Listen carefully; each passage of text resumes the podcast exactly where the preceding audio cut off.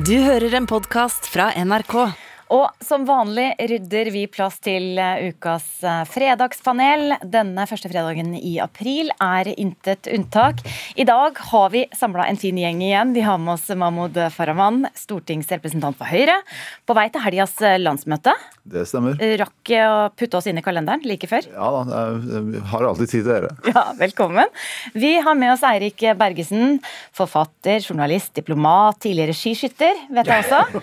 Taleskriver. altså vi kunne kunne holdt på, men det får holde, Eirik Bergesen. Jeg holder mer enn nok. ja, velkommen. Takk. Og så har vi med oss fra Trondheim eh, og på Tyholt Tone Hansen, som eh, når hun er i Trondheim og når hun er i Oslo, er altså museumsdirektør ved Henny Onsdag kunstsenter. Velkommen, Tone Hansen.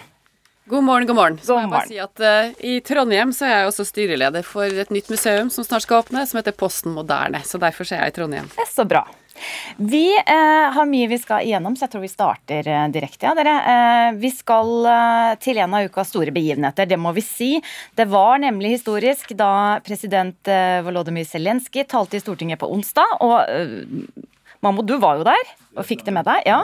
En fullsatt sal møtte Zelenskyj med stående applaus. Det fikk vi med oss, og fulgte talen på videolink fra Ukraina. Vi skal høre et lite utdrag. We do not have common borders with you, but we have a common neighbor which stands against all our common values. We have to do more to stop this war, and first and outmost is weapons. Thank you, Norway. Slava Ukraini. Applaus der altså for Zelenskyj, som jo har talt til en rekke nasjonalforsamlinger eh, verden over de siste ukene. Denne uka eh, bl.a. i danske Folketinget og på Stortinget på onsdag. Der han altså takket for eh, den norske støtten, militært og økonomisk, vektla vår felles vikinghistorie og Norges rolle som Nobel fredsprisutdeler. Apparatet hans og han selv setter seg jo tydeligvis godt inn i hvert lands særtrekk og historie. Og det første spørsmålet til panelet blir dermed i dag er talegavene til Zelenskyj hans beste våpen? Vi begynner med damene. Tone Hansen i Trondheim. Som spørsmålet er stilt nei. Eirik Bergesen. Ja. Ja. Ja. Skal vi høre på hvorfor du mener nei da, Tone Hansen? Ja, altså hans beste våpen er jo åpenbart ikke talegavene, men et helt stort eh, retorisk apparat som eh, viser seg å kunne takle vår samtid utrolig godt. Det er ikke noe tvil om. Det er jo både pompøst og stort og, og vakkert det han gjør, og vi får jo veldig stor tillit til han. Eh, og til, man får enda lettere til, tillit til hele den uh, situasjonen de er i. Men samtidig så tenker jeg at da, når du spør om våpen, så er, uh, er det jo hardere skytt som skal sikre at Ukraina får tilbake sin frihet. Mm. Han har helt klart et godt apparat rundt seg. Eirik Bergesen, hva, hvorfor fremhever du taleegenskapene hans?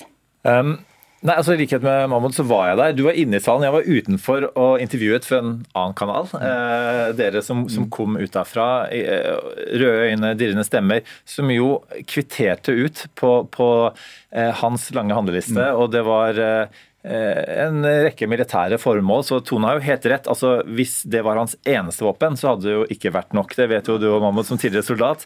Og Dette er jo ikke Gandhis pasifisme. Disse ordene her de er jo ment å motivere hans egne styrker til å slåss med ekte våpen. Eh, og land som Norge da til å ikke bare reagere med moralsk støtte, men med militær eh, støtte.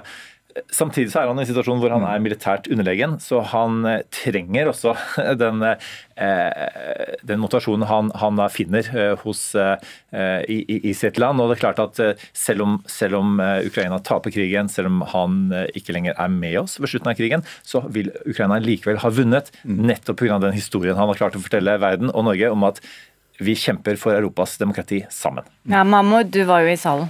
Ja, altså jeg må si at jeg ble faktisk rørt. Uh, og jeg syns uh, hans taleevner er nok det som gjør at vi her i Vesten uh, får denne medfølelsen og, empatien med, ukrainere og er villige til å støtte dem. Og så må vi legge noe helt grunnleggende til grunn, og du er inne på det, Eirik. Altså, han sitter ikke ved sånn danna bord med masse fine ting. Altså, dette er krigssituasjonen. krigssituasjon. Han er under enormt press, og han presterer hver gang.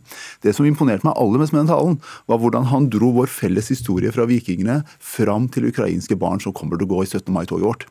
Og Den sammenhengen det er ganske interessant å kunne dra og ha oss med. Så er det et par-tre filtre her. Det ene er at vi hører dette gjennom en tolk. Eh, så jeg skulle gjerne ha kunnet ukrainsk og forstått hva han sa ord for ord, på en måte hadde de språklige bildene. Men det han har gjort er helt unikt, og jeg tror han, jeg vil påstå at dette her er en leder Europa trenger nå. Som et eksempel for de øvrige lederne. Mm. Vi må videre, vi kunne jo bare snakka om dette her. vet du. Men uh, uka starta også med dramatikk, og da skal vi til helt annet sted. Vi skal til, uh, til Hollywood, uh, selvsagt. for det som skulle bli altså tidenes høydepunkt for mange filmskapere, skuespillere og filmentusiaster, ble jo overskygga av en voldshendelse.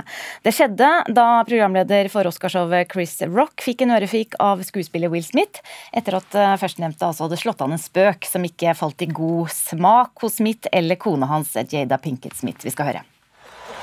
Oh, wow! Will Smith just smacked the shit out of me.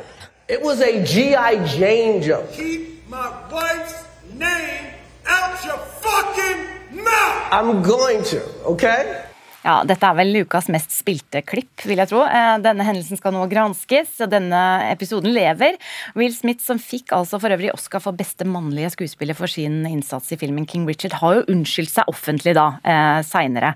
Spørsmålet til panelet, og da begynner vi med deg, Mahmoud. Bør Will Smith miste sin Oscar? Nei. Eirik Bergesen? Nei. Tone Hansen? Ja, da må jeg være i opposisjon og si ja. ja, Så bra at du er det. Noen må ta en annen posisjon òg. ja. Men nå begynner vi, vi begynner, Mahmoud. Hvorfor, hvorfor nei? Um, den Oscaren får han for uh, det innsats han gjør på, på scenen som, som skuespiller. Uh, vi, vi, må, vi må, I vårt samfunn må vi slutte med dette greiene her med at vi på en måte skal frata folk stillinger og belønninger for, for ting de har oppnådd gjennom et verk. Men det er jo alvorlig, det er jo en. Ja, ja, det, det, det, er det, det, er ikke det jeg bestrider. Det er veldig alvorlig.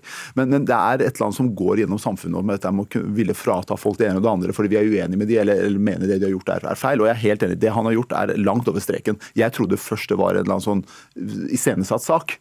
Eh, men det som jeg synes vi bør gjøre, er på en måte å avkreve forklaring av han, og, og, be han på en måte stå og forklare seg. Fordi han som person er et forbilde for ekstremt mange eh, gutter, menn eh, og voksne generelt sett.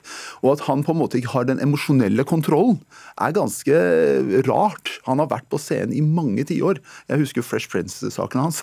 Så gammel er jeg. Men, men jeg, jeg, tenker at vi skal ikke frata han dette her, for det, det, det, vil ikke oppnå noen ting. Vi, vi vil ikke oppnå noen ting. Men at han står til ansvar for det han har gjort, han forklarer forklare seg, beklager seg. Og så kan vi på en måte bruke det som et eksempel på hva du ikke skal gjøre, og hvordan du eventuelt skal beklage deg. Mm, Bergesen, jeg må ha litt kortere svar nå her nå. Ja, altså, jeg tror vi skal være litt forsiktige med å stille diverse krav til hva kunstnere skal eh, si og mene som mennesker, og heller akseptere deres uh, ulike feil og mangler. og Det er ofte der kunsten kommer fra. Uh, og i en tid hvor det er krig i verden, så tror jeg vi må kunne godta det meste fra en scene, bortsett fra kanskje å stille med en Putin-sett. Og helt til slutt, altså det store feilen han gjør, er å iscenesette iscenesette seg selv og få alt fokuset på seg selv dette. Hvis Oscar-instituttet tar av prisen, så gjør de akkurat det samme. Mm. Tone Hansen, du, du mener han eh, bør fratas prisen? Ja, altså jeg tenker at I en tid hvor eh, nyhetsbildet preges så stor grad av vold, så må jo alle være enige om at vold er helt uakseptabelt i alle former. Det bør anmeldes uansett, og det bør også være signalet til alle som opplever vold, at det er ikke ok. Det, vi har ikke et samfunn som tillater det. Kunsten skal være fri, kunsten skal kunne hylles for alt den gjør, men uh, vold og den type giftig opptreden, det kan vi ikke tillate på noe vis. Så jeg tenker at uh, om man mister den statuen eller ikke, så, så, bør det ha konsekvens, rett og slett. Og det holder ikke med en unnskyldning. Men du oppfatter det ikke som galant i det hele tatt? Det er jo noen som har tatt til orde for at han faktisk forsvarer kona si her. Det er ingen som skal forsvares med vold på den måten der. Det er helt unødvendig. Og når man tenker jeg også at Hvis du er i offentlig mediebilde og faktisk iscenesetter deg hele livet ditt i offentligheten, som dette paret gjør, så må du jo også tåle en viss grad av diskusjon og også litt humor rundt uh, den situasjonen du lever i, da. Så jeg tenker at uh, vold er aldri løsningen. Takk. Eh, flott utsagn der fra Trondheim, Tone Hansen. Tida flyr, vi må ta siste tema. Det er eh, en av landets største abonnementsaviser det skal handle om da, nemlig Bergens Tidende, regionsavisa, som altså nå slutter med sine daglige lederartikler I stedet skal disse lederartiklene dukke opp når vi har noe viktig å melde, sa politisk redaktør der Eirin Eikefjord i Dagsnytt 18 denne uka. Og det skapte reaksjoner, bl.a. fra Frode Rekve, som er altså ansvarlig for frie medier ved Institutt for journalistikk, og tidligere avisredaktør. Jeg tror eh, lederartiklene i norske lokalaviser og regionaviser og nasjonale aviser er viktigere enn noensinne i disse tider da sosiale medier tar kraftig over, og eh, som da ikke er redaktørstyrt. Og så er vi så heldige her i landet at vi har mange aviser, mange meningsbærere, som slutter seg til redaktørplakaten. Og så slutter man med det. Ja, dette er jo en tidligere redaktør, får vi si da, men spørsmålet er bør flere aviser følge eksempelet til Bergens Tidende? Eirik Bergesen, vi starter. Nei. Um, ja. Tone Hansen. Nei. Nei. Bergesen, vi starter med ditt nei. Nei, altså nå, Så vidt jeg vet, verken eh, NRK eller TV 2 jeg er mest om dagen sånne daglige ledere. Eh, og, og, og det er helt greit. og jeg tenker sånn, Det er ikke poenget at, at, eh, alle skal ha, eller ingen skal ha heller. Så det er jo egentlig det som jeg, det, er det jeg først og fremst mener. Og, men jeg tenker at noen ganger så er det noen prinsipielle spørsmål i et lokalsamfunn som er hvor det er naturlig at redaksjonen har en felles holdning, tenker jeg. Og, og først og fremst så tenker jeg at det er en fare hvis aviser later som de er fullstendig objektive, men man må ikke drive og mene mye spesifikt, men man må stå for noe. Og I vår tid, eh, det å på en måte stå opp for åpenhet i samfunnet, presse våre eh, makthavere til å, til å gjøre det, eh, kjempe mot falske nyheter og rett og slett medias rolle i et demokrati, det tror jeg noen ganger krever en samlet lederartikkel. Mm, Tone Hansen, du var ikke helt enig?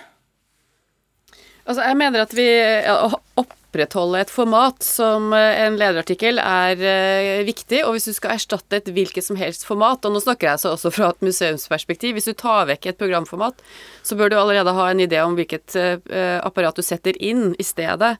Fordi jeg syns det lukter av at en lederartikkel bare forsvinner ut med badevannet, altså. Sakte, men sikkert. hvis man ikke har en ramme for det. Og jeg liker egentlig heller å lese en dårlig leder enn ingen leder. Mm. Og Mammo, du, du nikker her. Ja, jeg, jeg er, altså jeg er der at hvis man først skal skrive en lederartikkel, så må, bør man mene noe. og Hvis man mener at, hvis, hvis avisa mener at det ikke altså ikke, ikke er mulig å mene alt mulig rart i alle sammenhenger, så er det greit å heller la være å produsere lederartikler og heller ha annen journalistikk som, kan, som kan være bra.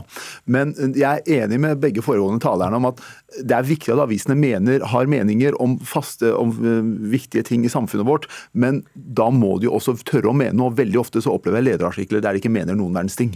Mm. Ja, og vi er jo, altså Det har jo skjedd en revolusjon innen mediene, så noe utvikling er det vel naturlig å forvente også, Erik Bergesen?